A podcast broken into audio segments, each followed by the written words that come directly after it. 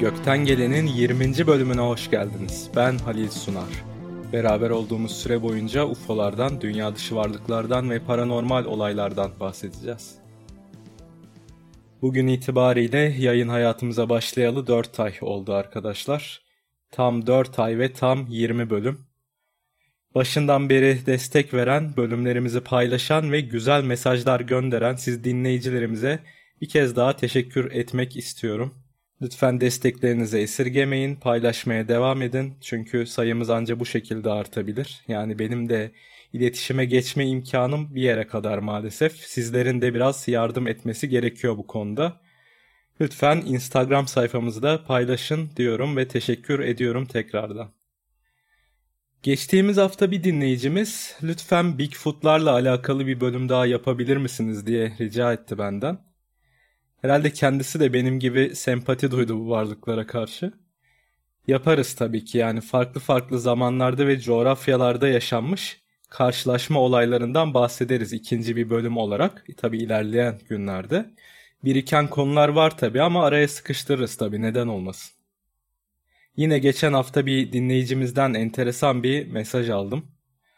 Kendisi sağ olsun uzun uzun detaylarıyla birlikte yaşadıklarını benimle paylaştı. Hem kendisinin hem de yakın çevresindeki bazı insanların çocukluk yıllarından itibaren rüyalarında dünya dışı bir medeniyetle nasıl temas kurduklarını anlatmış. Epey bir detay var anlattıklarında ses kayıtları şeklinde göndermiş bana. Çok fazla böyle ufak tefek ayrıntılar var. Şimdi ben bugünkü konumuzu fazla dağıtmamak adına özet olarak şöyle anlatayım. Beyaz tenli ve turuncu saçları olan bir varlık türü hem dinleyicimizin hem kuzeninin hem de yakın bir kız arkadaşının rüyalarına giriyor yıllar boyunca. 5-6 yaşlarından itibaren başlıyor bu olay ve 6 yıl kadar sürüyor. Rüyalarında beraber arkadaş gibi takılıyorlar, geziyorlar, eğleniyorlar falan. Dinleyicimiz bu varlıkların tenlerinin bildiğimiz anlamda bir beyaz ten olmadığını tabiri caizse kağıt kadar beyaz olduğunu söylüyor.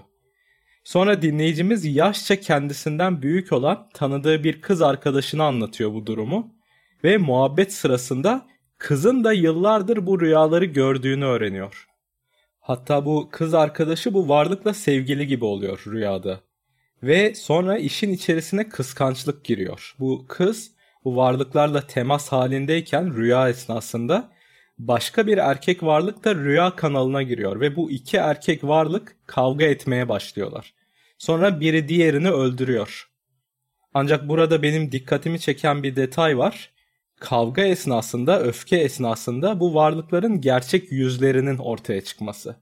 Normalde rüyalarına girdikleri insanlara çok güzel birer insan gibi görünürlerken bir anda gerçek yüzleri ortaya çıkıyor. Şeytani görünümlü varlıklara dönüşüyorlar kavga ederken. Dinleyenler hatırlayacaktır ruh çağırma seansları ile alakalı bölümde boyutlar arası açılan kapıdan her zaman ruhların gelmediğini, çoğu zaman negatif varlıkların insanlarla temas kurduklarını anlatmıştık. Hatta bu varlıkların temas kurdukları insanlarla resmen oyun oynadıklarından, dalga geçtiklerinden bahsetmiştik. Şimdi adını söyleyince bazı insanlarımızın hoşuna gitmiyor biliyorum ama negatif varlıktan kastım cinler arkadaşlar. Biliyorsunuz bizim toplumumuzda böyle bu isim çok kullanılmak istenmez. İnsanlar genelde korkarlar. Onun yerine 3 harfliler falan derler hatta. Yani negatif varlık dediğimde siz cin demek istediğimi anlayın. Yüzlerce yıldır Anadolu'nun birçok noktasında negatif varlıklarla evlendiğini ve yıllardır bu varlıklarla karı koca gibi yaşadıklarını anlatan birçok insan vardır. Anadolu'da meşhurdur bu tarz hikayeler. Hatta sadece Anadolu'da değil, dünyadaki birçok farklı coğrafyalarda da bu varlıklarla temas halinde olan ve onlarla beraber yaşadığını söyleyen insanlar bulunmaktadır. Şimdi bu dinleyicimizin anlattıklarını dinledikten sonra benim şahsi fikrim hem dinleyicimiz hem de çevresindeki insanlar birkaç yıl boyunca bu negatif varlıklarla temas etmişler. Evet belki gördükleri rüyalar güzel geçiyor, güzel rüyalar görüyorlar ama anladığımız üzere asıl karakterlerini saklıyor bu varlıklar arkadaşlar. Yani başka şekilde görünüyorlar insanlara. Ama işin içine kıskançlık ve öfke girdi mi gerçek yüzlerini gösteriyorlar. Hatta biri diğerini öldürüyor kızdan kıskandığı için. Dinleyicimiz bunların uzaylı bir ırk olduğunu düşünüyor ama benim şahsi fikrim bunların negatif varlıklar olduğudur.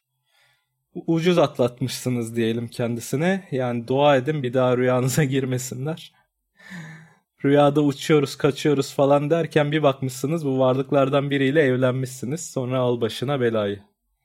Evet vaktini ayırıp başından geçenleri anlatmasından dolayı kendisine teşekkür ediyorum tekrardan. Eğer sizler de böyle başınızdan geçen enteresan vakaları paylaşmak isterseniz bize mail yoluyla ya da direkt Instagram üzerinden ulaşabilirsiniz. İkinci Dünya Savaşı sona erdikten bir yıl sonra Amerikan donanmasının Antarktika'da UFO'larla savaştığını duymuş muydunuz? Bu 20. bölümde 1946 yılında gerçekleştirilen High Jump operasyonundan bahsedeceğiz. Başta kulağınıza bilim kurgu filmi gibi gelebilir. Ancak bunu bizzat operasyonu yöneten Amerikalı Or Amiral Richard Byrd'ün ağzından dinleyeceksiniz. Başlamadan önce Amerikan donanmasının Güney Kutbu'na neden gittiğinden bahsetmemiz gerekiyor. Tabi bunun için de önce Nazi Almanyası'ndan ve Adolf Hitler'den bahsetmemiz lazım arkadaşlar. Adolf Hitler ezoterik konulara, okültizme ve antik bilgilere oldukça meraklı bir liderdi. Liderliği boyunca her zaman özel güçleri olduğu düşünülen bazı antik eşyaların aranıp bulunması için dünyanın birçok noktasına araştırma ekipleri göndermiştir.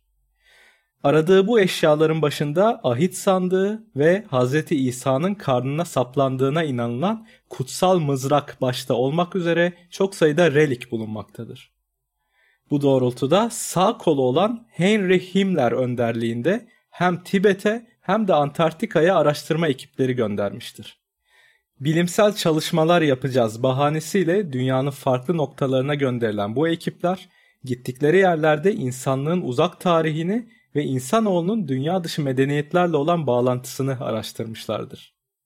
Bununla beraber Hitler ve üst düzey Nazi subaylarının tamamı mistik bir gizli örgütlenme olan Vril örgütüne mensuplardı. Merkezi Almanya'daki Wewelsburg şatosu olan bu gizli örgüt, kadın medyumlar vasıtasıyla dünya dışı varlıklarla iletişime geçerek onlardan önemli bilgiler alıyordu. İletişime geçtikleri en önemli ırk ise Aryan ırkıydı. Bu örgütün öğretisine göre Almanlar Aryan soyundan gelmektedir. Ancak sanılanın aksine Aryan ırkı Avrupa kökenli bir insan ırkı değil, bizden yaklaşık 64 ışık yılı uzaklıktaki Alfa Tauri yıldız sisteminde yaşayan bir medeniyettir. Buradan anlıyoruz ki Nazi Almanyası subayları Almanların bu üstün uzaylı soyunun bir melezi olduğunu düşünüyordu. Ve sıklıkla Aryan ırkıyla iletişime geçmeye ve kendilerinden teknolojik bilgiler almaya çalışıyorlardı. Vril baş rahibesi Maria Orsi ve ona refakat eden Vril kadınlarının en önemli ortak özellikleri büyüleyici güzellikleri ve uzun saçlarıydı. Vril kadınları psişik güçlerini oradan aldıklarına inandıkları için saçlarını kesmezlerdi. Saçların uzaydaki ataları ile bağlantı kurmak için anten vazifesi gördüğüne inanıyorlardı. Ayinlerde Maria Orsi trans haline geçtikten sonra diğer kimse tarafından dili bilinmeyen gizli bir kara kitabı okuyarak toplantıları yönetiyordu. Orsi, Nazi yöneticileri üzerinde benzersiz bir etkiye sahipti. Dünya dışı yaşamla bağlantı kaynağının o olduğuna inanılıyordu. Naziler yıldızlardan haber getirdikleri söylenen bu beş güzel kadına Vril rahipleri diyor ve bütün talimatlarına uyuyorlardı. Bu arada gerçekten hayatımda gördüğüm en güzel kadınlardan biri Maria Orsi. Yani ben Aryanım insan değilim dese inanırım o derece arkadaşlar. Bakmak isteyen erkek arkadaşlar varsa Google'dan aratabilirler. Adolf Hitler ve subayları dünya dışı bu medeniyetlerden alacakları yardımlarla savaşı kazanacaklarına ve dünyayı yöneteceklerine inanıyorlardı.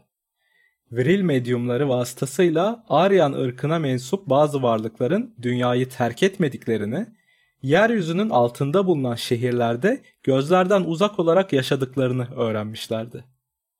Bu yeraltı şehirlerinin girişi ise Antarktika'da yani Güney Kutbu'ndaydı.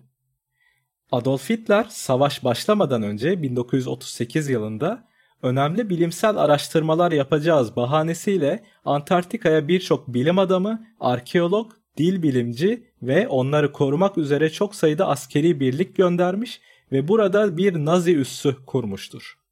Ancak bu insanların amacı araştırma yapmak değil, Aryanların yeraltı şehirlerini bularak irtibata geçmektir. Almanlar Antarktika'nın yaşamaya müsait bir yerine 211 numaralı üslerini kurmuşlardır. Bu üs savaş boyunca varlığını sürdürmüştür. Hatta yıllar geçtikçe üs de genişlemiş ve neredeyse küçük bir şehir boyutuna ulaşmıştır. Savaşı kaybedeceklerini anlayan önemli bazı Nazi subayları ve bilim adamları 1944 ve 45 yıllarında Almanya'dan kaçarak 211 numaralı üsse gelmişlerdir. Amerika Birleşik Devletleri ise istihbarat ağı vasıtasıyla bu gelişmelerden haberdar olsa da savaş bitene kadar bu konu hakkında herhangi bir hamlede bulunmamıştır. Ancak Eylül 1945 tarihinde savaşın sona ermesiyle beraber gözünü Güney Kutbu'na dikmiş ve aynı zamanda bir savaş kahramanı olan Amerika'nın en önemli amirali Richard Byrd bütün bu operasyonun başına geçirilerek Antarktika High Jump operasyonuna hazırlanmaya başlamıştır. Amiral Richard Byrd 2. Dünya Savaşı'nda Amerika'nın sahip olduğu en önemli amiraldir bu arada. Aralarında şeref madalyasının da dahil olduğu 20'den fazla madalyaya ve sayısız başarıya sahiptir kendisi. Bu amiral o zamanlar Amerika'da herkesin tanıdığı ve saygı duyduğu bir savaş kahramanıdır. Yani sıradan bir insandan bahsetmiyoruz arkadaşlar. Dünyanın bir numaralı amiralinden bahsediyoruz. Bu adam kendi ağzıyla Antarktika'da yaşadığı UFO karşılaşmalarından bahsetmiştir. High Jump operasyonu Ağustos 1946 tarihinde başlatılır. Tabi ne için gittiklerini söyleyemeyecekleri için dünyanın geri kalanına operasyonun amacıyla alakalı yalandan bir hikaye uydurulur. Dünya basınına High Jump operasyonunun jeolojik ve iklimsel araştırmalar için yapıldığı söylenir. Buraya kadar her şey iyi güzel tabi değil mi? Ancak bilimsel araştırma için nasıl bir ekip gönderirsiniz arkadaşlar? Şöyle bir düşünün. Birkaç tane bilim adamı, 40-50 kişilik personel, işte orada kullanılacak araç, ekipmanlar vesaire. Yani normalde bunların hepsi bir gemiye sığması lazım aslında. Peki high jump operasyonuna neler dahil olmuştur? Ağzına kadar uçaklarla dolu olan bir adet uçak gemisinin de bulunduğu 13 tane savaş gemisi, bir denizaltı ve 5000 askeri personel. yani jeolojik araştırma yapmak için biraz fazla sanki değil mi? Bu görevin asıl amacı Amerika Birleşik Devletleri'nin bölgedeki gücünü arttırmak ve Nazilerin 211 numaralı üslerini bulup ele geçirmektir. Amerikan donanması bölgeye ulaşır ulaşmaz burada kendi üslerini inşa etmeye başlarlar. Ancak bu macera kısa sürer. Normalde 6 ay sürmesi planlanan bu görev başladıktan 40 gün sonra apar topar iptal edilmiştir. Donanma 50'den fazla askerini, 4 uçağını, bir gemisini ve bir denizaltını zayiat verdikten sonra derhal Antarktika'yı terk ederek Şili'ye çekilir. Operasyonda ölen askerlerin orada yaşanan kazalar nedeniyle öldükleri, batan geminin ve denizaltının ise buzdağına çarparak battıkları söylenmiş ve High Jump operasyonu Top Secret klasmanına alınarak tamamıyla üzeri kapatılmıştır. Dünya şaşkınlık içerisinde ne olduğunu anlamaya çalışırken Amiral Richard Byrd ulusal kanala çıkarak konuşmasını yapar. Dünya yeni bir düşmana karşı hazırlıklı olmak zorundadır. Bütün ülkeler bir kutup noktasından diğerine birkaç dakika içerisinde gidebilen hava araçlarına karşı tetikte olmalıdırlar. Evet bayağı bildiğiniz dünyanın bir numaralı amirali çıkıp televizyonda söyledi bunu arkadaşlar. Güney kutbundan kuzey kutbuna birkaç dakikada gidebilen bu uçan araçlara karşı hazır olun diye bütün dünyayı uyarmış. Bu konuşmasından bir hafta sonra Washington'a çağrılan Amiral Byrd 1957 yılında ölene kadar bir daha hiç bu konudan bahsetmemiştir. Amiral Byrd tabi savaş kahramanı dediğimiz gibi 20 küsur madalyaya sahip bir abimiz. Yani televizyonlara çıkıp konuşmuş direkt korkusuzca. Üstü kapalı bir şekilde de olsa detaya inmeden insanları uyarmış. UFO'lara karşı hazır olmalı bütün ülkeler demiş. Sonra Washington'a çağrılarak tehdit edildi büyük ihtimal. Ondan sonra da ölene kadar ağzını açmamış kendisi. Ancak high jump operasyonuna ilişkin bazı bilgiler 1991 yılında basına sızdırılmıştır. Bu belgelere göre Amerikan donanmasının Antarktika'ya ulaşmasından iki gün sonra askerlerin okyanustan çıkarak gökyüzüne yükselen ışıklar gördüğünü yazmaktadır.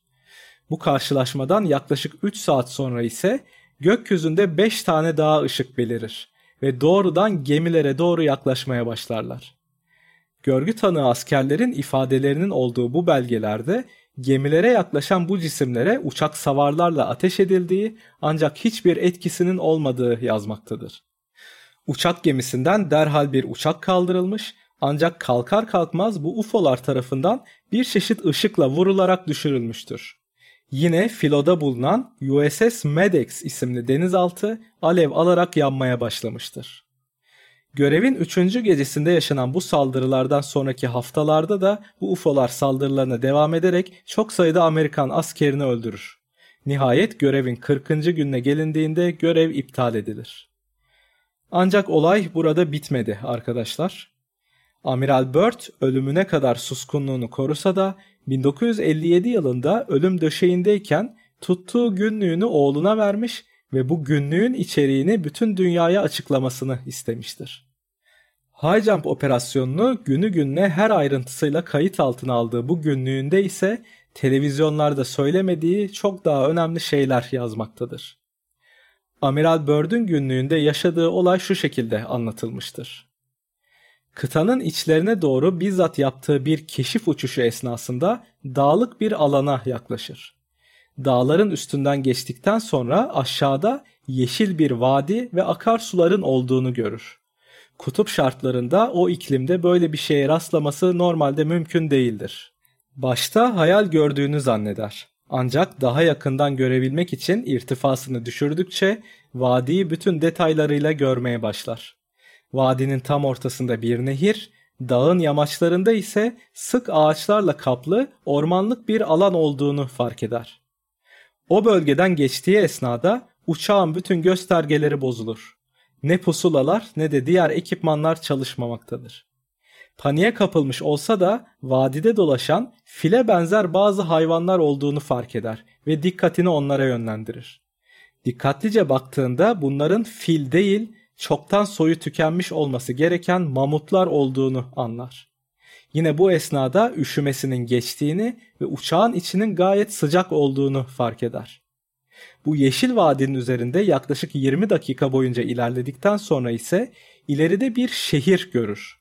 Bu şehirdeki binalar koca birer kristale benzemektedir. Şehre yaklaştığında uçağın kontrolünü yavaş yavaş kaybetmeye başlar. Kumanda kolunu sağa sola hareket ettirse de uçak hiçbir şekilde manevra yapmamakta ve düz bir şekilde yoluna devam etmektedir. Uçağın motoru durur. Ancak enteresan bir şekilde bundan hiç etkilenmeden aynı şekilde havada süzülmeye devam eder. Bu sırada uçağın sağ ve sol kanatlarında uçakla yan yana uçan parlak ve disk şeklinde iki UFO olduğunu fark eder. Bu UFO'lar uçağın kontrolünü ele almış bir şekilde Amiral Byrd'e eşlik etmektedir. Uçağın bozulan komünikasyon sistemi tekrar çalışmaya başlar ve radyo kanalından kendisine bir mesaj gelir. Topraklarımıza hoş geldiniz. 7 dakika içerisinde iniş yapacaksınız. Lütfen sakin olun ve korkmayın. UFO'ların kontrolündeki uçak yavaş yavaş bir platformun üzerine iniş yapar. İniş bölgesinde amirali karşılamak üzere birkaç kişi beklemektedir. Bu kişiler insanlara çok benzemekle birlikte hepsi sarı saçlı ve oldukça uzun boyludur. Bu varlıklar Hitler'in kontak kurmayı başardığı Aryaniler yani Aryan ırkıdır. Amirale eşlik ederek bir asansöre bindirirler ve beraber yerin altına inerler.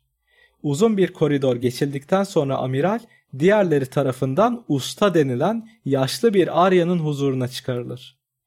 Usta kendisini karşılar. Uzunca bir masada karşılıklı otururlar. Usta amirale binlerce yıldır dünyada bulunduklarını ancak iletişime geçmek için uzun zamandır beklediklerini anlatır. İnsanoğlunun atom bombasını kullanmasından endişe duyduklarını söyleyen usta insan ırkının bu teknoloji için henüz yeterince olgunlaşmadığını, atom enerjisini yanlış amaçlarla kullanarak dünyayı yok edeceğinden korktuklarını söyler. Ve ekler. Şu an dünyadaki en tanınmış ve saygın insanlardan biri olduğun için seni kendimize doğru çektik. Sana verdiğimiz bu mesajı bütün dünyaya anlatman gerekiyor. Bu kısa görüşmenin ardından amiral tekrar uçağına bindirilir ve yine iki UFO eşliğinde havalanarak Amerikan üssünün olduğu istikamete doğru uçmaya başlar. Yaklaşık 15-20 dakikanın ardından radyo kanalı üzerinden kendisine artık uçağın kontrolünü devralabilirsiniz. İyi yolculuklar amiral mesajı verilir. Amiral Byrd'ün günlüğüne göre bu olayın ardından Washington'a döndüğünde dönemin Amerikan başkanı olan Harry Truman'a da bizzat bu olayı anlattığından bahsetmiştir.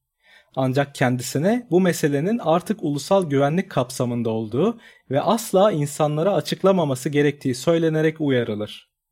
Bir daha asla televizyonlarda bu gibi konular hakkında konuşmaması gerektiği, aksi takdirde vatana ihanetle yargılanacağı söylenerek susturulur. Savaş kahramanı bile olsan adamların umrunda değil gördüğünüz gibi. Umursadıkları tek şey bu konuların insan popülasyonu tarafından duyulmaması. Bu uğurda gerekirse ülkelerine yıllarca hizmet eden generalleri bile bir kalemde harcayabiliyorlar anlaşılan. Hitler'in takıntılı bir şekilde peşine düştüğü Aryan ırkı. Antarktika'da yer altında kurdukları kristal şehirde hala hayattalar. Bu arada iki enteresan bilgi vereyim size arkadaşlar. Birincisi günümüzde Antarktika ziyarete kapalıdır. Sadece sınırlı sayıda bilim adamına araştırma yapabilmeleri için izin veriliyor. Onun dışında böyle kafanıza göre gidip Güney Kutbu'nu ziyaret edemiyorsunuz yani yasak bildiğiniz. İkincisi ise uydudan çekilen Antarktika fotoğraflarının çoğu kısmı sansürlü arkadaşlar. Google Earth'ten girip bakın Baktığınızda bu yeraltı şehirlerinin tahminen böyle bulunduğu bölgeler karanlık görünüyor. Açılmıyor oranın fotoğrafları. Yani madem kar ve buzdan başka bir şey yok neyi saklamaya çalışıyorsunuz hala acaba? Aryanlar bile git bu mesajı bütün dünyaya ilet demişken bizim başımızdaki liderler hala gizliliğin ve sansürün peşindeler. Bakalım belki de girdiğimiz bu yeni ifşa sürecinde Antarktika ile de alakalı bazı bilgiler açığa çıkarılır. Bekleyip göreceğiz artık. Evet 20. bölümünde sonuna geldik.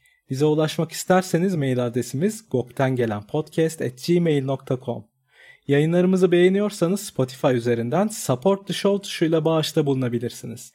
Ya da Instagram sayfamızı ve bölümlerimizi çevrenizle paylaşarak bizlere destek olabilirsiniz. Bir sonraki bölümde görüşmek üzere, hoşçakalın.